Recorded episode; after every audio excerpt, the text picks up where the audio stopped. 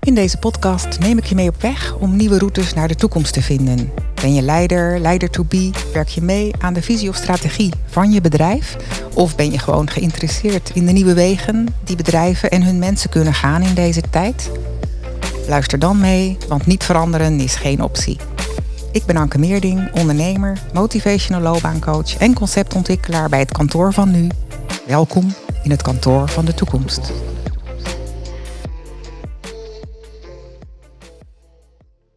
In deze podcast ontdek je wat de toekomst is van werken en hoe je dat nu al concreet kan maken. Vandaag praat ik met drie experts over de toekomst van werk. Mijn gasten zijn bijzonder hoogleraar Tinka van Vuren, professor in strategisch human resource management en vitaliteit. En Rob Haarlem, consultant op het gebied van audiovisuele techniek en smart building technology, opererend onder de naam Sector X. En Stefan Jongerius, gespecialiseerd in innovatie bij het Nederlands Wetenschappelijk Onderzoeksinstituut. Zij praten over wat thuiswerken met ons doet en wat de trends en ontwikkelingen zijn van werken. Zij vertellen welke stappen je kunt zetten om je mensen gemotiveerd, betrokken en vitaal mee te nemen naar de toekomst. Oké, hartelijk welkom. Tinka van Vuren, Rob Haarlem en Stefan Jongerius. Super gaaf dat jullie hier uh, deze lancering van de podcast willen bijwonen. En waar ik ontzettend benieuwd naar ben, is eigenlijk hoe hebben jullie nu de afgelopen periode ervaren met thuiswerken, hybride werken? Hoe hebben jullie dat aangepakt? En ik wil beginnen bij Tinka. Hoe heb je dat aangepakt? Hoe heb ik het aangepakt? Uh, nou, van huis uit werk ik, of tenminste, ik werk meestal al veel thuis. Hè, want uh, ik ben één dag in de week bijzonder hoogleraar bij de Open Universiteit. En de andere dagen ben ik uh, consultant voor Loyalis. Ja. Mm -hmm, ja. En ik ben veel onderweg naar klanten, naar mm -hmm. opdrachtgevers. Ja. En uh, dat betekent dat ik eigenlijk mijn standplaats is Gelderop, waar ik woon. Oké. Okay. Dus, dus dat betekent dat ik normaal al veel thuis ben. Ja, maar ook ja, heel veel onderweg. Ik rijd iets -hmm. van, of normaal gesproken, reed ik duizend kilometer in de week. Ja, ja, ja. He, dus uh, he, dus uh, niet heel erg sustainable misschien, maar uh, wel heel leuk om bij heel veel verschillende organisaties te zijn en daar advies te geven of workshops te geven. Dus in die zin is het voor mij saai om nu thuis te zijn. Want ik kan veel minder op pad. En ben je nu helemaal thuis? Of? In principe ben ik heel. Dus ik ben sinds maart ben ik dus inderdaad niet meer naar kantoor gegaan en ook niet meer naar de universiteit. Dus het is, uh, er wordt echt gezegd van we, uh, werk zoveel mogelijk thuis. Nou, dat kan. Uh, dus, maar dat betekent wel dat ik mijn collega's alleen maar via Teams zie. Ja, precies. dus met teamoverleggen of... en, dus dat is, en dat is dus minder leuk. Hè? Dus in die zin merk ik ook dat die, die sociale isolatie, die speelt wel. Ja, ik precies, vind het wat ja. saaier, ik Mhm. word wat minder gemotiveerd. En ik grijp dit soort dingen heel graag aan. Ja, om ja. weer even leuk naar buiten te gaan, hè, als het kan. Hè, zo netjes op afstand. Mhm, Dus, eh, ja, zeker. Hè, dus ik merk gewoon dat eh, voor mijn eigen motivatie is het toch Mhm. heel erg belangrijk dat ik me kan verbinden met mensen, dat ik Mhm. mensen zie, dat ik ze.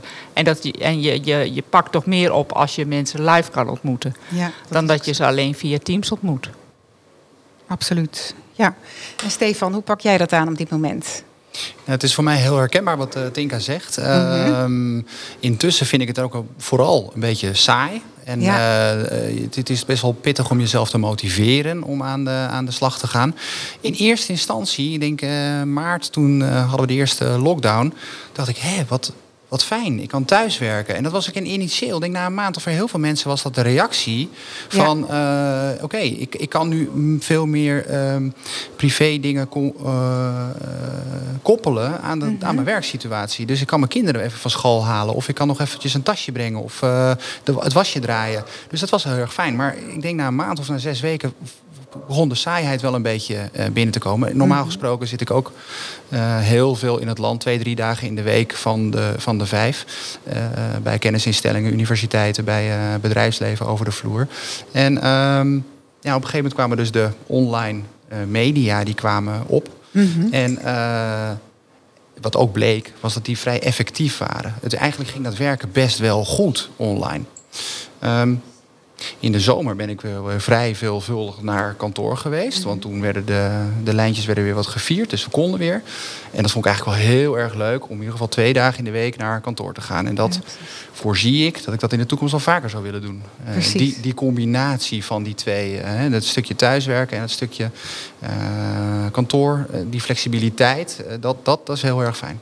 Precies, dus je hebt dat eigenlijk nu voor het eerst eigenlijk echt uitgeprobeerd hoe dat werkt voor je. Ja, ja, ja, ja dat geldt voor mij en al, al mijn collega's in feite. Ja. En ook die online media, want ik, die waren voor corona ook wel ter beschikking. De Zoom en de WebEx en de, en de Teams. Alleen men benutte dat niet als zodanig. Mm -hmm. uh, en eigenlijk heeft dat ons geforceerd om op die manier te gaan werken. Mm -hmm. En uh, in feite werkte dat best wel goed. Met de kanttekening dat die sociale verbinding achterwege blijft. Dus dat ja, stukje precies. verdieping en wat ook voldoening geeft uit, mm -hmm. uh, uit werk, dat blijft grotendeels achterwege. Dus die echte menselijke verbinding maken met elkaar. En dat, uh, mm -hmm. dat, dat, dat, dat, dat uh, mis ik. Precies, dus je ontdekt nu eigenlijk empirisch hoe het werkt met echt verbinding en precies het stukje tussen, um, ja, dat je online elkaar wel kunt ontmoeten, maar wat nu echt die uh, verbinding tussen mensen ja. eigen maakt. Ja, ja, ja, ja, en wat het werk ook heel plezierig maakt. Het is voor mm -hmm. mij persoonlijk, en dat hoor ik van veel mensen, mm -hmm. het plezierige aspect van werken is die verbinding met elkaar leggen. Precies. Daarnaast denk ik ook dat er heel veel um, verborgen communicatie in zit, mm -hmm. die je tot, toch tot je neemt en die je nu minder goed tot je neemt. Dus communiceren en duidelijk uh, ja, met elkaar communiceren, wel, ja. communiceren, duidelijk met elkaar praten, is denk ik een belangrijk aspect geworden. Ja, precies. Maar ik denk dat we daar ook nu veel meer zicht op krijgen, wat nu die meerwaarde is van live communicatie. Hè? Ja, we experimenteren daar eigenlijk heel mooi live met z'n allen mee nu. Ja, ja, ja. Oké. Okay. Rob, kun jij vertellen hoe jij dat op dit moment aanpakt? Nou, voor mij was het uh, niet zoveel wennen. Ik ben al een tijdje lang uh, zelfstandige. Ik kan me wel herinneren dat het in het begin heel lastig was. Hè, toen ik mijn collega's moest missen. En uh, uiteindelijk door de jaren heen ga, je dat, ga je er vanzelf aan wennen. Mm -hmm. Dus voor mij was er niet zo'n heel grote verandering. Het enige wat ik nu al heb is natuurlijk dat ik afspraken heb op afstand met, met videobellen. en het volgen van cursussen en trainingen op afstand. Maar uh, uh, voor mij is er eigenlijk in die zin niet zo heel veel veranderd. Als ik uh, Oké. Okay. kijk. Nou, gaaf om te horen ook, Rob.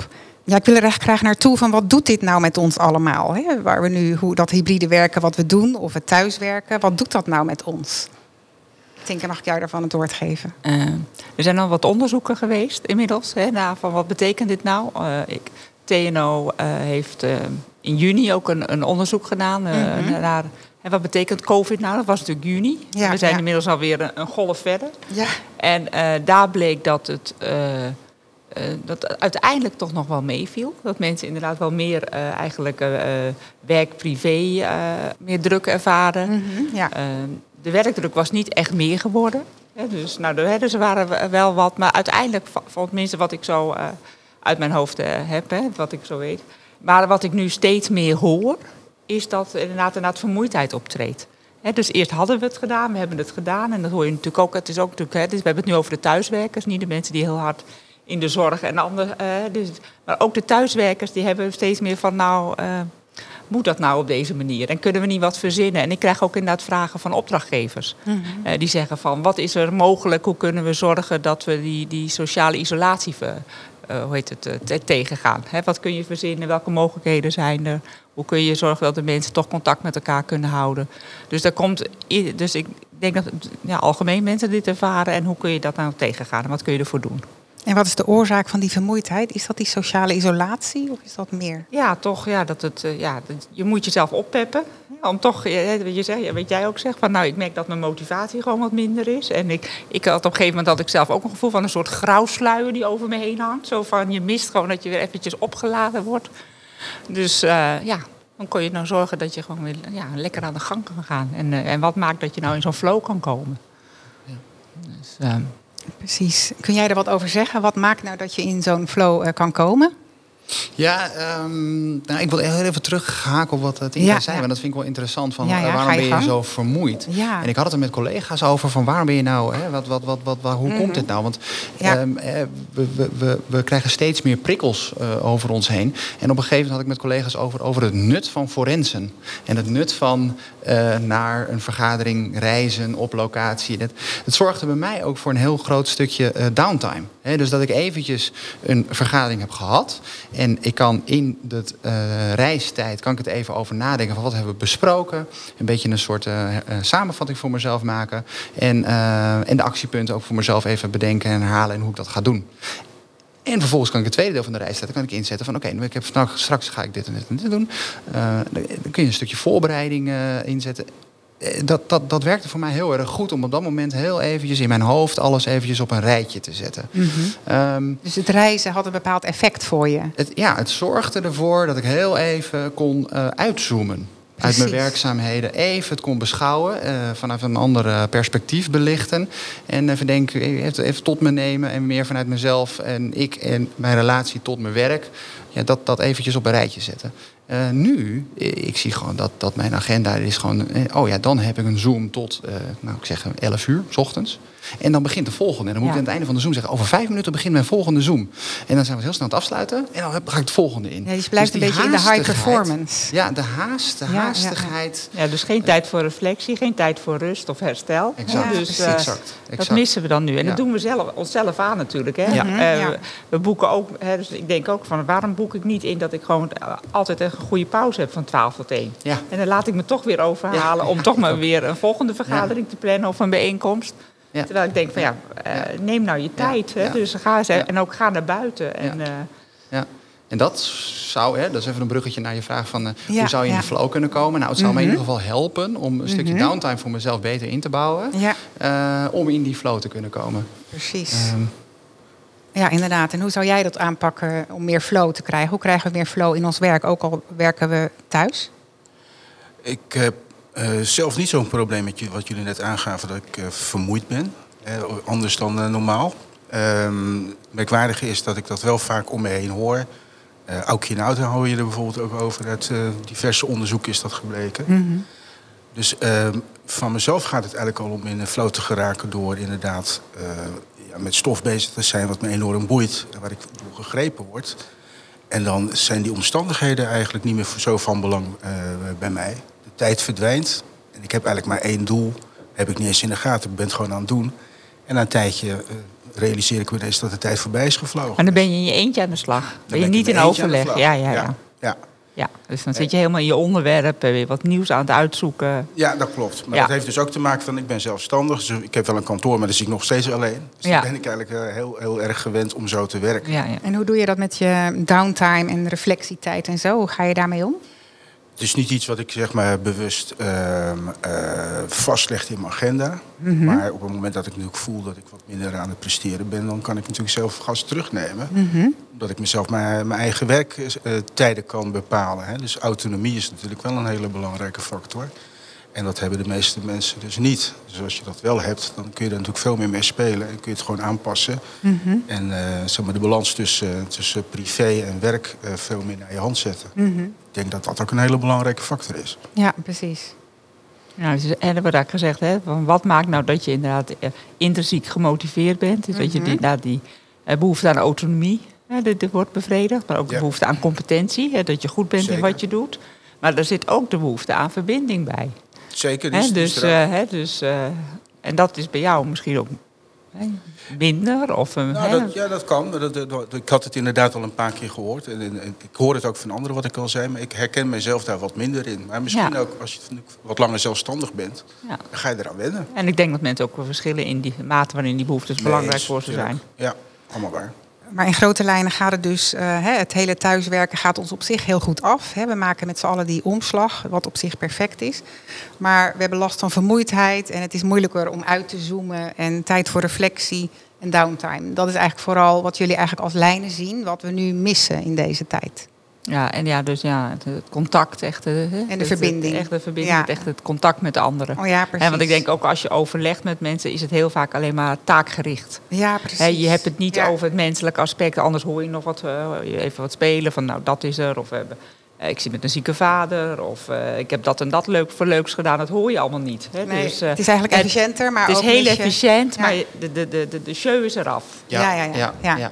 En, en je kunt je afvragen hoe efficiënt is het op lange termijn als mensen Ja. daardoor weer minder eh, gaan presteren. Ja. Eh, dus Ja. het lijkt heel erg taakgericht effectief of efficiënt. Ja. Eh, maar als je er minder plezier in hebt, dan kan het wel weer andere gevolgen hebben die Ja, die efficiëntie weer af, Ja. doet afnemen. En wat er ook wel gezegd wordt, hè, dus de innovatie en de creativiteit wordt minder. Hè. Mhm. Dus daarvoor zijn juist toch weer die, die, die contacten met mensen nodig, dat je snel op elkaar kan reageren. En, eh, Oké, dat is ook een mooie. Ehm, en dan, hè, dat is eigenlijk wat we nu missen. Dus dat, dan hebben, dat voelen we ook met z'n allen. En waar moeten we dan naartoe? Misschien wil jij daar iets over zeggen. Nou ja, kijk, ik, ik merk, ehm, wat ik zonde vind overigens, is dat er dus zoveel leegstand nu is in kantoren. Wij zijn vorig jaar een kantoor, eh, nieuw kantoor betrokken in, eh, in Utrecht. En eh, wij moesten er dus na een half jaar, stond het dus weer leeg. En eh, het aardige is denk ik dat... We hebben nu een, is er een eh, app geïntroduceerd waarbij ze dus eh, de bezettingsgraad kunnen reguleren. Van nou die werkplekken zijn eh, vrij en dan kun je een, Ja, plek, eh, kun je een plek boeken. Mhm. Maar eigenlijk zijn er dus als er zoveel mensen thuis werken, heb je veel minder plekken nodig. En, ehm, en, en dat vind ik wel interessant dat als ik nu op kantoor kom, Mhm. heb ik een plek en ik heb zeeën van ruimte. En dat is eigenlijk ook wel heel erg lekker. Oh, eh, Dus het werkt nu voor mij stiekem best wel goed. Terwijl de bezettingsgraad maar 10% is. Ja, heb ik zeeën van ruimte. En kan ik ook mijn benen even strekken op de, over de Mhm. verdieping eh, en eh, heen en weer lopen. Mhm. Ehm, en waarom ga je dan naar kantoor? Want ik ga er niet meer heen als er zo weinig nou, zijn. Kijk, wat ik zei in het begin was dat ik twee of drie dagen in de week eh, niet thuis ben. Ik, op een gegeven moment was een hele periode dat ik vijf dagen in de week eh, thuis zat. Ja, en de muren Mm. komen op een gegeven moment af. En ik kan niet spreken van een sociaal isolement. Want Mhm. er zijn, eh, toevallig ben ik met een verbouwing bezig. Dus er komen bouwvakkers over de vloer. Mhm. Ik heb een vrouw en twee hele lieve kinderen die ook wat vroeger uit school komen. Dus het is niet eens een sociaal isolement. Maar het is die, die, die, die thuis, dat, datzelfde plekje. Mhm. eh, waar ik op een gegeven moment mezelf zie zitten. Of hè, denk ik, dan zit ik hier weer. En, en dan, dan, dan word ik ibelig. Dan Gebrek aan afwisseling, steeds ja, hetzelfde. Ik, ik, ik moet eruit. En ehm, ik zou dat overigens ook gehad hebben als ik vijf dagen op een plek op kantoor zou Oh ja, zitten. hè. precies, Dus dat is afwisseling persoonsgebonden. Dus die een afwisseling die het prettig maakt. Die voor mij heel goed werkt. En, en wat voor lijnen eh, zie jij dan naar de toekomst toe? Waar moeten we dan naartoe? Wat zijn nou de meest ideale eh, situaties zijn met thuiswerken en op kantoor werken? En, Ja, ik, ik zou de, de, de hybride vorm zou voor mij Mhm. heel goed werken. Eh, eh, en ik denk ook voor velen. Dus dat je zegt van nou, ik werk twee of drie dagen per Mhm. week thuis en twee, drie dagen in de week op kantoor. Mhm. En waarbij ik dus zelfs kan denken dat dat kantoor niet altijd een vaste plek hoeft te zijn. Hè? Dus dat je meerdere kantoren in het land hebt of werkplekken waar je naartoe kan gaan eh, met een team eh, bijvoorbeeld, eh, die, die ook inspireert die plek. Want dat is dan Mhm. een afwisseling ook Ja, weer van ja. het gebruikelijke. Mhm. ja. Eh, dat, dat, dat denk ik dat dat heel goed zou kunnen werken. ja, precies. Ja, diverse onderzoeken tonen ook aan dat het die kant op gaat. Ja. We krijgen straks kwalitatief hogere kantoren. Eh aantal vierkante meters dat is wat minder nodig, omdat we dus eh, hybride En kunnen bedoel gaan jij werken. hoger in de zin van echt ehm, meer hoogte? Flauwhoogte, hè, zoals Ja, het gebouw de. Flauw hier. Dus, mooiere Ja, kwaliteit, betere kwaliteit. Betere kwaliteit inderdaad. Ja, ja, ja. Ja, dus we kunnen af met, eh, met minder eh, aantal vierkante meters. Het zal ongeveer 25% minder gaan worden. Er gaan ook veel meer satellietkantoren ontstaan. Maar wel dat je overal op diezelfde eh, plek dezelfde ervaring krijgt eh, als bij het hoofdkantoor. Eh, dus de, de verbinding tussen thuis en werk, dat, eh, dat, die wordt groter. Eh, we kunnen nog steeds naar kantoor omdat we natuurlijk wel in teamverband werken. Hè. Dat wordt ook steeds belangrijker. Dan krijg je dus dat, dat er in teamverband agile wordt gewerkt of gescrumd en dat soort zaken. En uiteindelijk wordt er daar, kun je daarna natuurlijk je werk individueel verrichten. En dat kan natuurlijk op kantoor zijn, maar je kunt ook kiezen om dat elders te gaan doen. Ja. Dus het gaat inderdaad die kant op. Ja. En hoe moet dat er praktisch uitzien, eh, Rob? Om voor de luisteraar even duidelijk te krijgen van nou, wat is agile werken? En, en Ja, agile werk of scrummen, dat is eigenlijk een vorm van eh, effectief met elkaar eh, samenwerken. Dat je dus eigenlijk hele goede afspraken maakt met elkaar wat je die week gaat doen. Iedereen heeft een taak opgekregen om dat goed uit te voeren. En de week daarop kom je weer samen en dan heb je natuurlijk je taak uitgevoerd zoals je dat met elkaar hebt afgesproken. Uh, je maakt daarbij weer smart afspraken. En je zorgt eigenlijk dat uh, wat je dus uh, moet opleveren, dat het precies past bij hetgeen wat je doet. Het kantoor krijgt dan natuurlijk dan veel meer een sociale hubfunctie. We hadden het net al even over, toch elkaar zien. Nou, dat praatje bij de koffieautomaat is heel erg belangrijk. Dat vergeten we vaak. Om even inderdaad even een, een ander gesprek te voeren dan alleen functioneel. En uiteindelijk kun je dus, uh, uh, als je het kantoor gaat zien als een meer sociale hub, maar ook een, een, een, ruimte waarmee je gaat samenwerken. Op dit moment op veilige afstand, en dat zal natuurlijk op een gegeven moment natuurlijk weer worden aangepast. Is het natuurlijk ook wel weer handig dat daar uh, voldoende faciliteiten in, dat, in, in zo'n kantoor aan, aanwezig zijn om dat te kunnen ondersteunen. Dus die kant zie je het opgaan. En uh, misschien dat jij nog wel iets meer kan zeggen over de technische vernieuwingen die eigenlijk nodig zijn. Niet alleen uh, op het gebied van een sociale hub en het hybride werken, maar ook uh, wat voor technische oplossingen voor de gezondheid en de vitaliteit van mensen zijn er nodig. Want jij hebt vooral die technische insteek. Dus wat kan jij daarover zeggen voor de, ja, de vernieuwingen, de innovaties die eigenlijk nodig zijn? Welke, wat is de toekomst van het werken vanuit jouw vakgebied gezien? Nou, als je naar audiovisuele techniek gaat kijken, dan weten we natuurlijk al dat we met z'n allen op afstand kunnen gaan werken met uh, bijvoorbeeld Teams, hè, dat videobellen. Dat ga je natuurlijk uitgebreider zien worden met, met ook whiteboard-oplossingen. Uh, dus zeg maar elektronische schoolborden, waarmee je dus zowel thuis als op, nou ja, waar dan ook ter wereld gezamenlijk aan een project kunt gaan werken. Dus dat je niet meer fysiek aanwezig hoeft te zijn. En wat je natuurlijk ook gaat zien is dat het veel belangrijker gaat worden in gebouwen zelf. Hoe bijvoorbeeld het binnenklimaat is. Mm -hmm. Zeker met corona moeten we natuurlijk goed opletten dat we uh, een goede luchtverversing hebben. Dat weten we natuurlijk inmiddels. Mm -hmm. Luchtvochtigheid moet op orde zijn, 50 procent. En uh, behagelijkheid moet goed zijn. Dus dat zijn alleen maar uh, nog maar de klimatologische omstandigheden. Dan hebben we natuurlijk nog een keer met licht waar we alles op kunnen afstemmen. Op het menselijk lichaam. Zodat je waak-slaapritme in, uh, in orde komt en blijft. Hoe heet het ook weer? Licht over? Nou, ik noem het biodynamische verlichting. Biodynamische verlichting, ja. zodat de verlichting meekleurt met Precies, je met wat buiten, energielevel. Ja, buiten is het 's ochtends uh, is, is het een heel heldere blauwe kleur, zeg maar. Mm -hmm. Een koele kleur. Mm -hmm. En s'avonds hebben we avondrood. En ons lichaam kleurt eigenlijk mee. En weet dus wanneer het moet gaan slapen en ontwaken. En als je dat natuurlijk met een normaal lampje uh, gaat onderbreken, raak je uit je ritme. Mm -hmm. Dus dat zijn belangrijke factoren om ook weer mee te nemen. Dus dat bedoelde ik eigenlijk ook met de kwaliteit van kantoor gaat omhoog. Dus ook aan de technische kant zul je dat zien. Naast uh, natuurlijk duurzaamheid, daar merk je zelf als mens niet zoveel van, behalve op lange termijn natuurlijk mm -hmm. voor, je, voor je kinderen die uh, daar je een goede wereld voor achterlaat.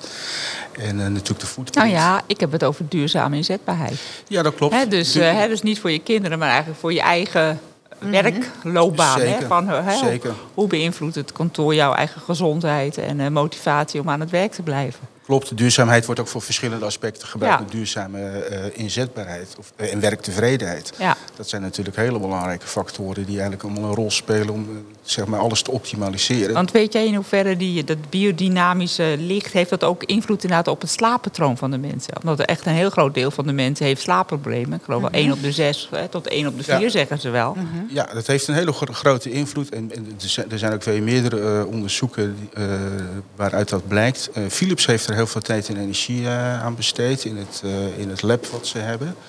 Waarbij ze inderdaad tot de conclusie kwamen van uh, ja, we hebben al die tijd wel licht gemaakt. Maar als, ons, als, we ons niet, als we niet kijken naar de natuur, wat vaak vergeten wordt, dan gaat het mis. Dus steeds vaker wordt er vanuit de techniek naar de natuur gekeken. En hoe, kijken hoe we dat dan weer kunnen meenemen in een intelligente vorm. Want hoe geavanceerd we ook zijn, we zijn nog steeds eigenlijk de oermens die dan wat ouder zijn geworden. Maar we, we werken nog steeds als destijds, of functioneren nog steeds als destijds. En hebben planten nog een rol hierin? Ja, de planten hebben wel een rol, maar een beperkte rol. Je ziet heel veel uh, groene uh, muren ontstaan. Die zien prachtig uit. En, en dan wordt natuurlijk verteld dat er heel veel uh, CO2 wordt opgenomen en zuurstof wordt uitgestoten. Dat is ook zo. Maar als we 60 kubieke meter per per persoon erin blazen in een gebouw en ook weer uitzuigen, dan is het effect gewoon niet, is gewoon niet heel. Het heeft wel een psychologische bijdrage. Ja. Dus je hebt dus uiteindelijk wel dat je uh, als mens fijn voelt in een groene omgeving. Het is ook niet voor niks dat wij uh, uh, de kleur groen, daar kunnen wij de meeste kleurschakeringen in zien. Omdat we nog steeds erg verbonden zijn met, met de natuur. Ja, dus groen uh, voegt inderdaad iets toe, maar meer op welzijnsniveau. En dat je het als prettig ervaart en wederom uh, meenemen in een beleving, uh, in, een, in een thema wat voor heel veel mensen belangrijk is.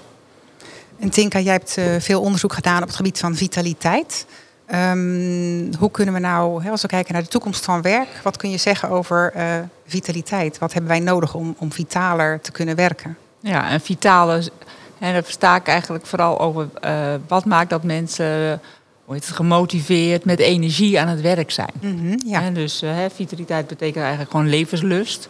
En, uh, mm-hmm. en daarnaast kijk ik, maar daarnaast kijk ik ook naar wat betekent het voor de, de gezondheid, voor het werkvermogen van de mensen. Ja, ja, ja. He, dus eigenlijk die duurzame inzetbaarheid, dan kijk ik eigenlijk naar drie poten: die vitaliteit, werkvermogen en ook wat betekent het voor een arbeidsmarktkans, een employability. Mm-hmm. En ik denk wat betreft het, een gebouw heeft dat vooral uh, invloed zowel op die, die, uh, die vitaliteit, die motivatie van de mensen, als op de gezondheid van de mensen.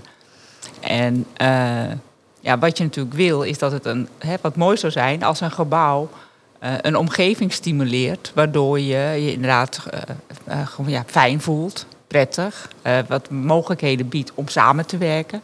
Hè, waardoor je die verbinding kan vergroten, wat misschien ook mogelijkheden biedt om te zorgen dat je uh, weet je ook je eigen keuzes kan maken. Hè? Dat, er, uh, dat je toch die autonomie kan versterken. Hè? Dat mensen kunnen kiezen van ik kom wel naar kantoor, ik kom niet naar kantoor. Want mensen mm -hmm. zeggen soms aan de ene kant wel nu voor corona... ja, je hebt toch heel veel autonomie, want we mogen toch allemaal thuiswerken. Nee, we moeten allemaal thuiswerken. Hè? We hebben niet de Mhm. keuze om niet thuis te werken. Hè? Dus uh, tenminste...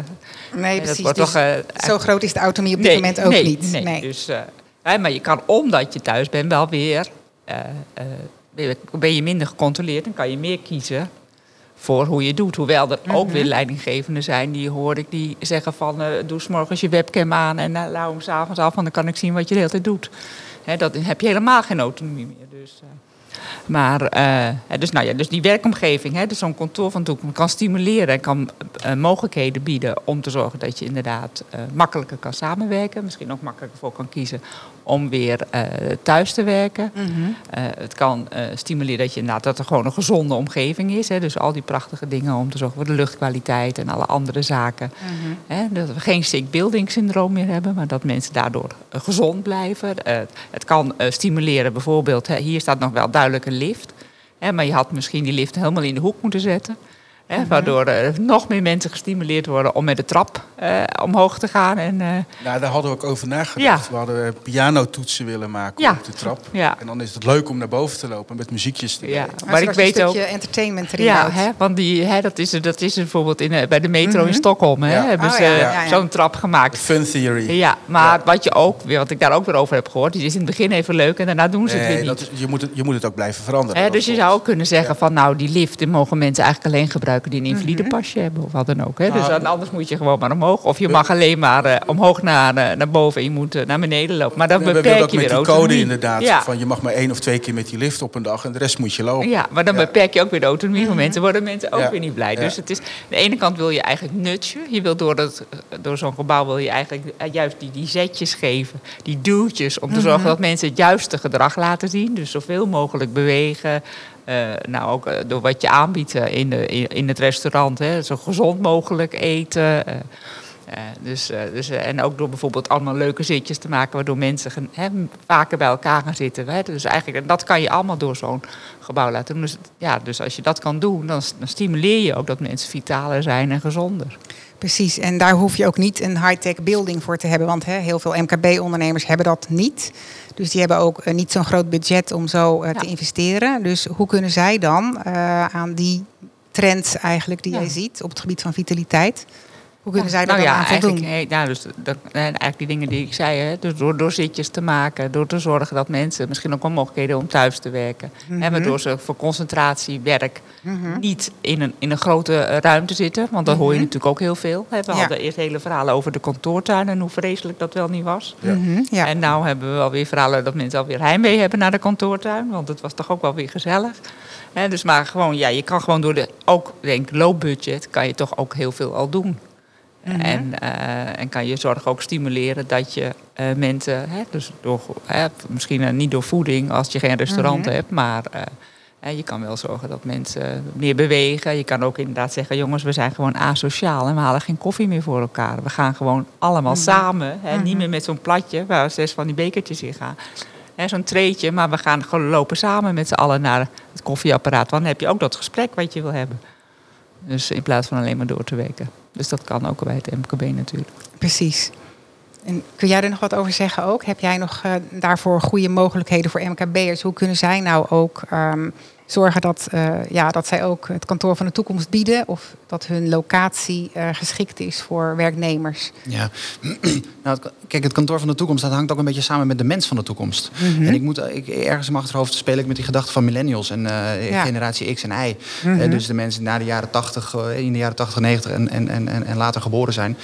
Daar zie je dus dat die behoefte aan autonomie nog veel groter is dan eh, mensen die daarvoor geboren zijn. Mhm. Ja. En dus dat, dat is ook een, een groeiend segment. Mhm. En eh, nou, we spelen er al op in door die, eh, die office hubs eh, te creëren. En dat je dat, dat, nu een Maar flexibiliteit... eigenlijk, ik, heb, ik had een promovendus, of die is gepromoveerd, Stefan Corporaal. En die heeft onderzocht hoe jongeren erin zitten. Ja. Dus juist die millennials. Ja.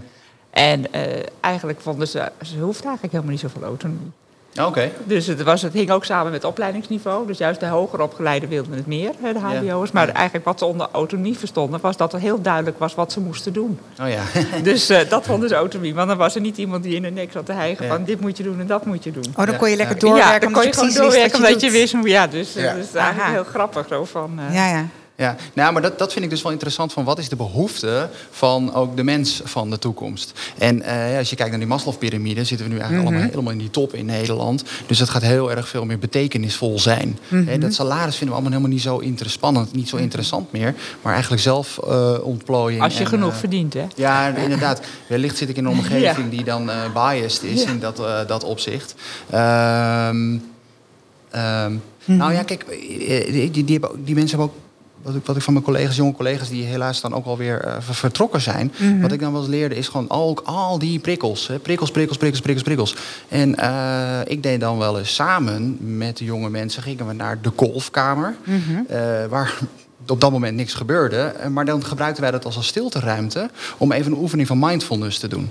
Hè, dus eventjes stil zijn, even bezinken, even voelen, eh, eh, even met je gedachten naar je lichaam gaan en, eh, en ademen. Hè. Vier, vier seconden in en acht seconden uit. En dan op die manier even tot rust komen, weer gewoon eventjes tot jezelf, tot jezelf keren. En ik, ik, ik proef daar wel een behoefte in, in ieder geval met de mensen met wie ik veel werkte, dat, daar, dat daar ook wel in de toekomst al wat, wat in zit. Dus, Ja, precies. dus en, dat hoeft, en dat hoeft ook geen geld te kosten, want stilte. Nee, nou, nou zit ik in een bruggetje en de vraag is van... eh, wat zou je een gemiddelde MKB-ondernemer adviseren? En dan is een stilteruimte misschien een hele rare, eh, rare stap. Maar eh, het gaat ook over de mens van de toekomst. En hoe kun je die aan boord houden? Zeker. Denk daar ook over na. Dat is denk ik wel heel belangrijk. Ja, en wat zou dat dan betekenen voor een, voor een gemiddelde MKB-ondernemer? Je kunt eh, stilte ehm, plekken creëren en meer ruimte voor mindfulness. En heb je daar nog meer ideeën over? Nou ja, ik denk ook gewoon echt gericht vragen naar de mens. Mhm. Eh, dus dat taakgerichte, dat eh, Ja, past denk ik niet bij eh, jonge generaties. Mhm, Dus die zijn ja. wel heel erg... Nou, je gaf wel aan dat Ja. Mhm. uit het onderzoek bleek dat, dat ze heel graag willen weten wat moet ik doen. Ja. En de mensen met wie ik werkte was het toch ook vaak zo van... eh, ja, wat zit er achter de mens? Wat zijn, wat zijn je beweegredenen? Wat zijn je motivatie? En hoe kan ik als werkgever daarop inspelen... om jou de beste plek te bieden? Ja, precies. Dus Eh, dan die is het meer past. maatwerk eigenlijk. Ja, ja, ja, Ja. ja. En eigenlijk zeggen we ook wel eens, juist hè, bij het ouder worden... wordt eigenlijk die betekenis van je werk wordt steeds belangrijker. ja, Hè, dus dan gaat het meer om samenwerking en meer wat, wat, wat, wat, wat kan ik bijdragen. ja. Hè, dat dat belangrijker is dan, eh, eh, nou ik wil nu geld verdienen. En, eh, dus, en dat zouden jongeren juist weer meer hebben. ja, ja, ja. Dus, eh, maar ja. Maar goed, ik praat ook inderdaad vanuit een omgeving met academici. Ik werk eigenlijk eh, volledig eh 100% met academici. Dus ik realiseer mij ook, dat maakt het gesprek misschien nog wel interessanter... dat er verschillende invalshoeken zijn. Zeker. En dat er dus ja. ook verschillende segmenten zijn hè, van mensen met verschillende behoeften. En hoe kun je daar dan inderdaad eh, op inspelen? Dat, dat, dat, dat maakt het juist interessant, ja. Ja, maar ik, ik denk wat wel, eh, wat jij misschien ook al zei, hè, zo van wat we zullen zien in de toekomst. Mhm. En ook voor de MKB'ers, Ja. is dat er ook. eh, eh, hè, dat er ook gewoon meer mogelijkheden zijn om inderdaad thuis te werken. Dat weten we nu allemaal. Hè, dus, en, eh, terwijl juist bij het MKB was het misschien juist moeilijker juist om tegen de mensen te zeggen... je kan nu ook thuis zitten. Mhm. Hè, dus die wilden misschien wat meer controle Dus je, eigenlijk kan het loslaten, maar het is ook belangrijk dat je mensen weer... dat je het weer leuk maakt op het werk. Dus ik heb ook wel eens een keer bijgedragen aan een interview... en het heette van de kantoortuin naar de speeltuin. Dus hoe zorgen we dat het het kantoor zodanig gevormd is dat mensen hier dus inderdaad eh, kunnen poelen of eh, eh, lekker kunnen, even kunnen, buiten kunnen jeu de boelen of iets, waardoor ze dingen samen doen. En dat je daarvoor ook naar kantoor komt en ondertussen dus ook eh, hebt over van hoe gaat het met je. Ja, ja. En naast eh, overleg over, het, eh, gewoon over de klussen waar je voor staat. ja, precies. En, ehm, en doen jullie dat op de universiteit ook? Op de universiteit, eh, nou wat hebben we daar? Je kan er, op de, het is in Heerlen, hè, de Open Universiteit waar ik zit. Dus Mhm. dan kan je heerlijk wandelen. Dus het is prachtig tegen het, eh, het, het groen aan. Dus je kan zo naar een kasteel lopen. En, eh, dus er wordt, regel, er wordt veel gewandeld in de pauzes. Er wordt ook altijd samen wel geluncht. Ja, wat, leuk is. Ja, ik ben als ik er was, was ik er maar één dag in de week. Hè, dus, eh, en, eh, en voor de rest zijn het gewoon, eh, hele, gewoon mooie kamertjes waar je kan zitten. Waar je met meerdere mensen zit. En waar natuurlijk ook ruimte zijn voor te overleggen en te vergaderen. Ja, precies. Dus, eh, ja. En hoe denk jij dat het post-COVID-tijdstip eruit gaat zien Nou, op het gebied van werken? nou, ik denk dat we voorlopig geen post-covid hebben. Dus eh, dat het nog wel eventjes duurt.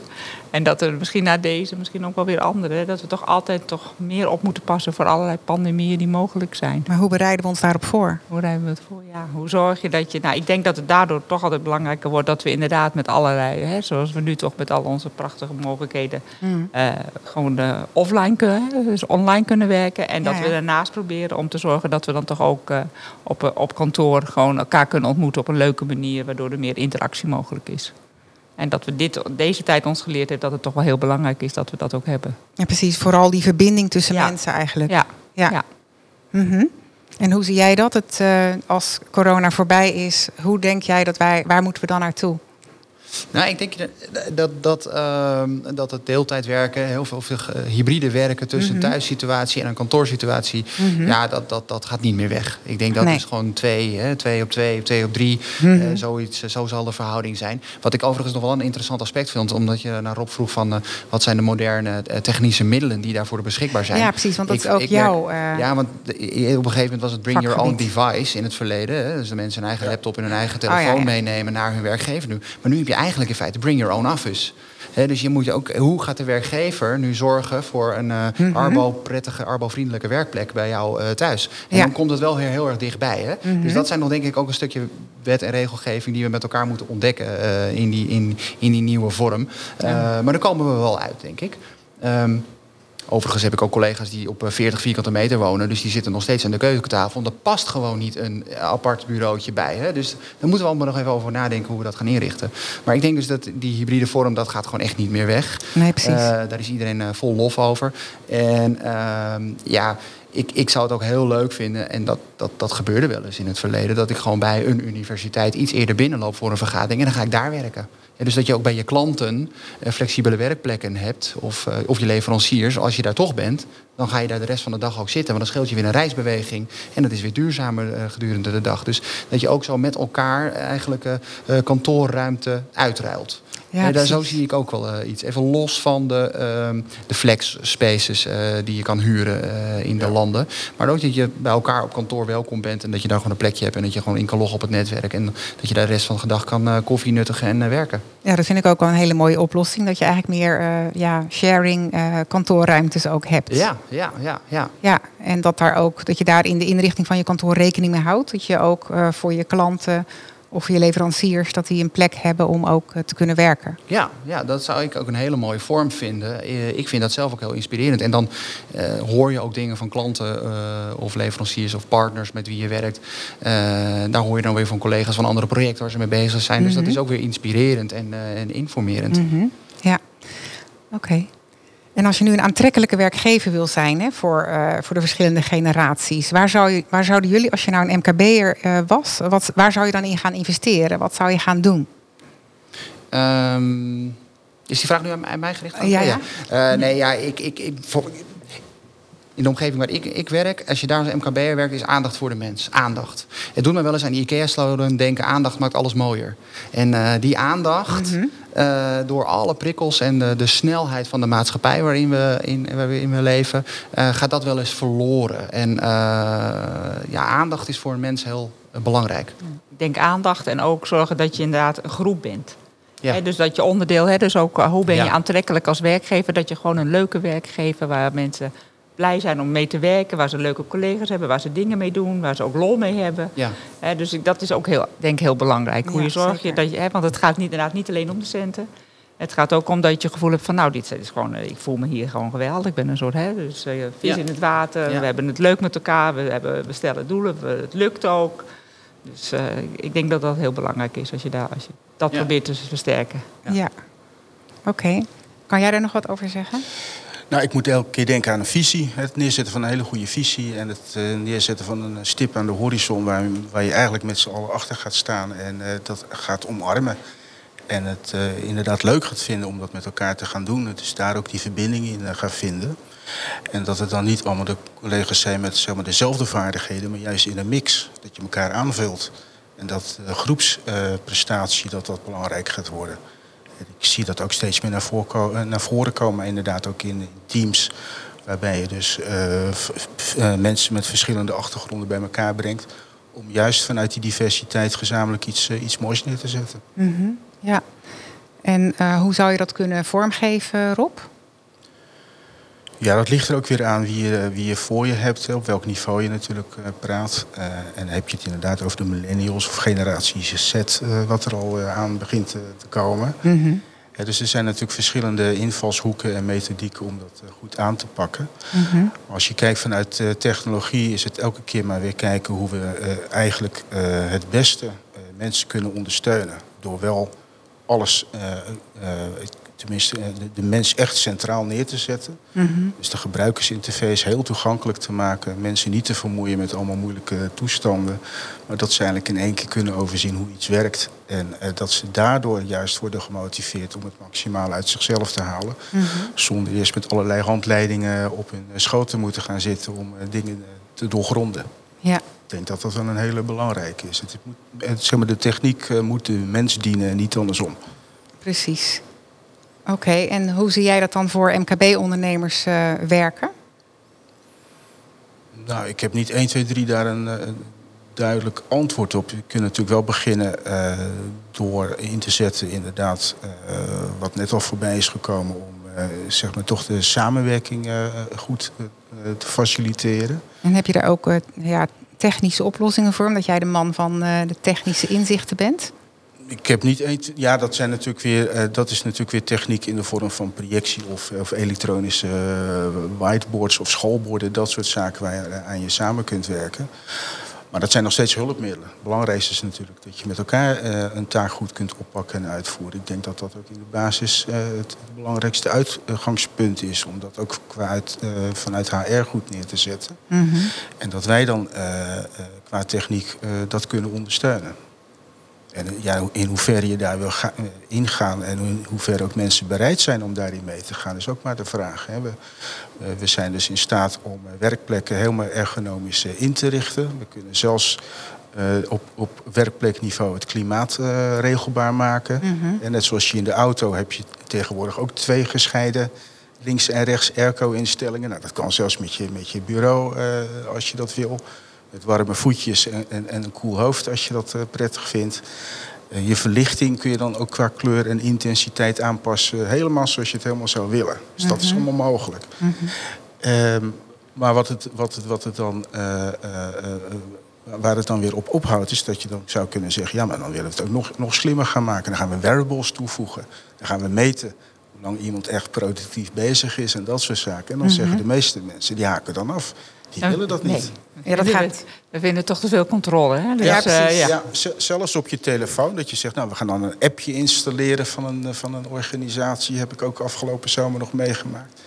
Ja, dan mensen toch, die zijn toch te huiverig. Van, ja, dat ding dat zit maar continu stiekem mee te luisteren. En te een doen. Big Brother hier. Ja. Big Brother, ja. En uh, je, moet daar, je moet daar heel voorzichtig mee omgaan. Je moet mensen inderdaad uh, meenemen in je verhaal. Mhm. En uh, natuurlijk zien we aan de andere kant dat mensen zich ook laten verleiden. Hè. We hebben natuurlijk de Facebook en de Googles die ons lang hebben verleid om allerlei privégegevens bloot te geven. En daar hebben we geen enkele moeite mee.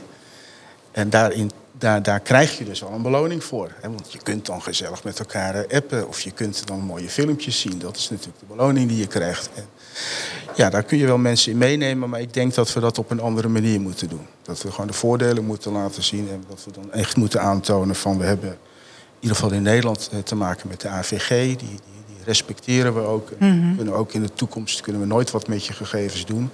En uh, ja, zolang mensen daar, uh, wanneer mensen dat inderdaad gaan inzien, denk ik ook dat ze wat makkelijker mee te nemen zijn in uh, die nieuwe ontwikkelingen van technologie. Mm -hmm. Precies. Oké. Okay. En um, ja, dat soort technologische mogelijkheden. Um, over wat voor budgetten praat je nou als je bijvoorbeeld zo'n licht wil installeren? Want ik vind dat zelf wel gaaf, bijvoorbeeld, dat je die licht laat meekleuren. Waar, waar praat je dan over? Ik durf je geen vierkante meter prijs op te geven. Dat is nee, ook, maar een beetje orde van grootte. Nee, dat durf ik je echt niet te zeggen. Oké. Okay. Nee. Maar dat zijn wel forse investeringen? Of, uh... Ja, dat is ook weer betrekkelijk. Als je, uh, wat vaak, uh, waar vaak naar gekeken wordt, maar dat is ook natuurlijk je, je, je, je, je belemmering op dat moment, is natuurlijk je investeringskosten of in een gebouw de stichtingskosten. Maar het Mhm. gaat eigenlijk over de hele, hele periode dat je iets in gebruik hebt. Ja, ja. Dat gebouw waar we nu zitten, de Flow, is er naar investeringen gekeken Mhm. over 30 jaar. Want een gebouw gaat 30 jaar mee. ja. 25% van de kosten zijn de stichtingskosten. Dus het hele gebouw neerzetten met alle toeters en bellen kost 25%. De rest is 75%. Als je met die bril gaat kijken naar een investering, Mhm. dan, praat je eigenlijk anders dan dat je zegt aan de voorkant, ja, maar dat is te duur, dat ga ik niet kopen. Nee, precies. dus- Dan kijk je puur naar de incidentele kosten. Precies. Ja, Maar je moet het je wel kunnen veroorloven natuurlijk. Dat begrijp ik ook goed. Als je het aan de voorkant niet hebt, dan kun je natuurlijk willen aan de achterkant. Hè. Maar als je, het, als, je die, als je die positie wel hebt, zou ik zeker eh, met die juiste bril op naar kosten kijken. En ook weten wat bijvoorbeeld die investering gaat doen eh, met personeel. Bij, bij sommige eh, organisaties is 90% eh, van de kosten is personeel. Nou, wat nou als je de productiviteit van mensen kunt eh, verhogen door ze happier te maken? Wat nou als je het ziekteverzuim omlaag kunt brengen? Dan heb je het eigenlijk maar over, over een paar procent, maar al over 90 procent. En er wordt heel vaak gekeken naar energiebesparing, dat is 1 procent van de kosten. Mhm. Maar 90 procent wordt, eh, wordt te weinig aandacht aan besteed. Als we daar nou meer energie aan eh, besteden, dan zul je zien dat de medewerkers eh, zelf veel gelukkiger en blijer en happier zijn. En met een beetje geluk worden dat dan ook de ambassadeurs eh, die op een verjaardag vol trots aan het vertellen zijn waar ze aan het werk zijn. Mhm. En je gaat, je gaat meer produceren door productiviteit en je gaat kosten besparen. Je hebt minder verloop. Mhm. Mensen vergeten ook wel eens dat dat natuurlijk vrij hoge kosten zijn. Want, Zeker. Dus dus eh, als je daar Ja, dus er is zo'n hele mooie business case op te maken. Absoluut. Ja. Dus als je daar al alleen ook naar kijkt. Mhm. En eh, nou, natuurlijk kan hè, vanuit mijn rol technologie daar een rol in spelen. Maar dat, ik kijk altijd verder dan alleen technologie. Het gaat om het hele plaatje. En als je dat eh, plaatje compleet hebt, dan kun je uit- uiteindelijk iets neerzetten waar je echt wat aan hebt. Wat het ertoe toe doet. Dat is, eh, vind ik belangrijker. Zeker. En door te investeren in technologie ehm, geef je mensen ook die vorm van aandacht. Zeker. Ja. Mhm, ja. En eh, om de vitaliteit van mensen verder te vergroten en de betrokkenheid van mensen, wat, eh, wat kunnen werkgevers daarin doen, eh, Tinka? Ja, dan kunnen ze dus dit doen. Dat is, al, dat is al belangrijk. Maar wat natuurlijk daarnaast heel belangrijk is, is eh, dat ze zorgen dat mensen zich kunnen ontwikkelen. Hè, dat, ze, eh, dat er mogelijkheden zijn om eh, verschillende loopbanen misschien te maken. Dat ze eigenlijk zich voortdurend kunnen blijven ontplooien. Dat er uitdagende taken zijn. Dat is ook allemaal belangrijk hè, voor je vitaliteit en voor je. Nou, en daarnaast gaat het natuurlijk, heeft het ook, eh, hè, want je kan een prachtig gebouw hebben, maar als je eigenlijk te veel van je mensen vraagt en de werkdruk te hoog is, ja, dan, dan is het zonde. Hè? Dus, dus hoe zorg je dat mensen gewoon dat kunnen, wat, wat, wat dat van hen gevraagd, wat ze ook kunnen behappen en wat ze leuk vinden. Dus, eh, en, eh, ja, dus er zijn duizenden andere factoren die ook nog van belang zijn natuurlijk. Hè. Als je, voor je een, een cultuur hebt in je organisatie waar, eh, gepest wordt. Of, hè, dus dan heb je zo'n mooi gebouw en dan verpest je het allemaal daardoor. Dus, dus eigenlijk, dus, het, is, het is een heel belangrijk, maar er zijn daarnaast ook die andere aspecten waar je natuurlijk ook aan moet denken. Wat maakt dat mensen gezond en met plezier en productief aan het werk kunnen blijven? Nou, dat zijn ook die, deze zaken. Dus, eh, Ja, en waardering eh, zie Ja, ik ook te weinig terugkomen. tuurlijk, Mensen die willen eigenlijk zeggen het niet, maar stiekem willen ze allemaal een schouderklopje Tuurlijk, hebben. en wij allemaal, Ja, wij toch? allemaal. Wij willen en ook, we vinden dat ja. heerlijk om alleen al bevestiging te krijgen wat je aan het doen bent, dat je het goed doet. ja, En dat je gewaardeerd wordt door je collega's en mensen om je heen. Dat merk je dat het gewoon te weinig terugkomt. En ik zou willen zeggen, als je inderdaad aan het werk gaat eh, in teamverband... nou, geef af en toe inderdaad een compliment aan je collega. En je zal zien dat je het ook weer terugkrijgt. En dat daar help je elkaar mee. En had jij je nou ook verdiept in hoe je via je gebouw mensen kunt waarderen en een compliment kunt geven? Nee, nog niet. Maar dat is misschien wel een goed thema voor de volgende keer. Ja, precies. Maar wel bijvoorbeeld het punt herkenning. eh, dat mensen zichzelf herkennen. Daarin kun je ehm, door bijvoorbeeld op eh, beeldschermen, eh, gasten die je ontvangt, eh, zoals vandaag hier voor mij, dat je, ehm, dat je naam en je afbeelding bijvoorbeeld al bekend zijn in een gebouw. Ja, dat klopt. Alleen ik, voor, in mijn hoofd valt dat dan niet onder waardering... maar dan valt het meer eh, op aandacht. Ja. En herkenning, denk ik ook. Hè? Ja, maar waardering vind ik meer... je hebt, je hebt eh, iets gedaan en je krijgt eigenlijk te horen... goed gedaan, jochie. ja, ja. Ja, dat niet in, niet in deze bewoording, maar je vindt het wel prettig. Ja, maar het is wel, het andere helpt om dat zorgen dat mensen bijvoorbeeld gezien worden. Ja, precies. Dus, en je eh, zult zien dat diezelfde persoon... die gaat nog meer en beter zijn of haar best doen... wat ze al deden. Want dat vinden ze alleen maar fijn. Die willen nog een schouderklopje hebben. Nee, precies. Maar- Nou, ik kan me wel voorstellen dat het gebouw, eh, want ik zag hier beneden dus ook een eh, fitnessruimte. Die hebben wij ook in ons eh, gebouw. En de waardering die daaruit doorschemerde was, eh, we willen graag goed voor je zorgen. Ja. Even Ja, los precies. van het vitaliteitsaspect. We willen graag Ja. dat jij je lekker voelt. hè. En Ja, daarmee produceer, Ja. produceer je meer. Maar het is ook belangrijk voor jou als mens. Ja. En ik zag beneden nog meer, eh, ook een beetje wellnessachtig Turk stoombad, et cetera. Ja. En ik denk van wow, hé, ja, dat, daar, daar zit even los van het commerciële aspect. Hè, dus de productiviteit gaat door omhoog. Zit ook een stukje waarderingsschema erin door. Van we willen graag Ja. goed voor je zorgen. Ja. En dat vind ik dat het gebouw wel kan, kan bieden. Ja. En, en, eh, Ja, en ook de goed eten, goede voeding. Ja. Of eh, gewoon fruit op de. Hè, dat we ook wat, mak- wat een MKB'er ook makkelijk kan doen. Hè? Gewoon fruit op de, op de werkvloer. Hè, dat vinden mensen ook leuk, aardig dat het gedaan wordt. En, eh, Nou zeker, daar zijn ook stukken van aandacht in natuurlijk. Hè? Zo zou het voor mij ook voelen. Ik vind het Ja. ook prettig als ergens aandacht wordt besteed aan het eten. En dat er niet, eenmaal, hè, dat er niet zomaar even het eerste en het beste wordt neergezet. ja, en wat we nu ook merken, hè, wat je ook ziet dat heel veel werkgevers doen iets extra's nu voor hun personeel. Hè, Ja, wij kregen precies. laatst van eh, onze werkgever AZ kregen we allemaal in een box kregen we allemaal lekkere knabbeltjes.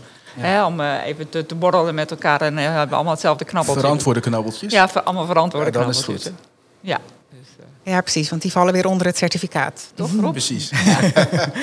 En misschien is het nog wel leuk dat je even iets kan vertellen over dat wel-certificaat. Wat, wat houdt dat nou in? Want dat kennen de luisteraars denk ik ook niet. Ja, het WELF-certificaat is eh, afkomstig van de Well Building Index. Dat is een, eh, een club wat in eh, Amerika is opgestart. Ik, volgens mij even uit mijn hoofd 2012. En die eh, eh, zijn erop toegespitst dat welzijn en welbevinden voor mensen heel belangrijk is. En we hebben al jaren een eh, duurzaamheidscertificering voor eh, gebouwen. En bovenop op deze certificering vind je nu ook eh, welzijn. En de Well-Building Index die eh, zoomt dan in op eh, eigenlijk alle omgevingsfactoren. Wat heeft een lichaam, menselijk lichaam nou nodig om eh, goed te kunnen functioneren en dat je goed in je vel zit. Als ik even terugbreng tot uh, Jip en Janneke niveau, vertaal ik het altijd maar voor mezelf als eh, de tuinbouw. Hè. Daar heb je kassen waar je gewassen in, eh, in eh, eh, eh, laat groeien. Door daar de omstandigheden go- goed te maken, te optimaliseren, de ge- gewassen heel goed. Nou, dat geldt natuurlijk ook voor het menselijk lichaam. Als we alles om ons heen gewoon optimaliseren, zijn we gewoon prima in staat om eh, heel goed te functioneren. Dat is eigenlijk wat wel doet. En eh, het is eigenlijk een, eh, een systeem om ook goed vast te leggen dat onze gezondheid gewaarborgd is en onze veiligheid. En nou, veiligheid, zeker nu in, in, in verband met, met corona, is natuurlijk een heel, hele belangrijke. Ja. Dat we dus zorgen dat we voldoende verse lucht binnenkrijgen. Dat horen we de hele tijd al. En dat is in de, in de, in de certificering was het al heel lang eigenlijk al eh, opgenomen. Eh, eh, z- zorgen dat, eh, we hadden het net al natuurlijk over gehad, dat, dat licht een belangrijke factor is. Dat je rekening houdt met waak-slaapritmes. Voeding is natuurlijk een hele belangrijke. We hebben het net al ook over beweging gehad en ook dat faciliteren. Mm -hmm. Dus kortom, alle aspecten die belangrijk zijn om, om, om goed in je, in, je, in, je, in je lichaam te zitten en, en mentaal ook gezond, gezond te zijn en blijven, die worden allemaal meegenomen in, in het keurmerk. En ja. uh, uiteraard afhankelijk van hoe goed je daarin scoort, krijg je dus zilver, gold of uh, platinum. Mm -hmm. En okay. in het gebouw waar we nu zitten, daar hebben we dus een uh, platinum waardering voor gekregen. Mm -hmm. ja. Rob, mag, even, mag ik iets vragen? Zegt het WEL-certificaat ook iets over straling? In welke zin? Nou, ik weet in Duitsland zijn er richtlijnen met betrekking tot de hoeveelheid straling een gebouw mag toetreden. En het is in Nederland helemaal nog niet um, in de, de bouwrichtlijnen uh, opgenomen. Wij mm -hmm. zien het een beetje als een, als een broodje aapverhaal.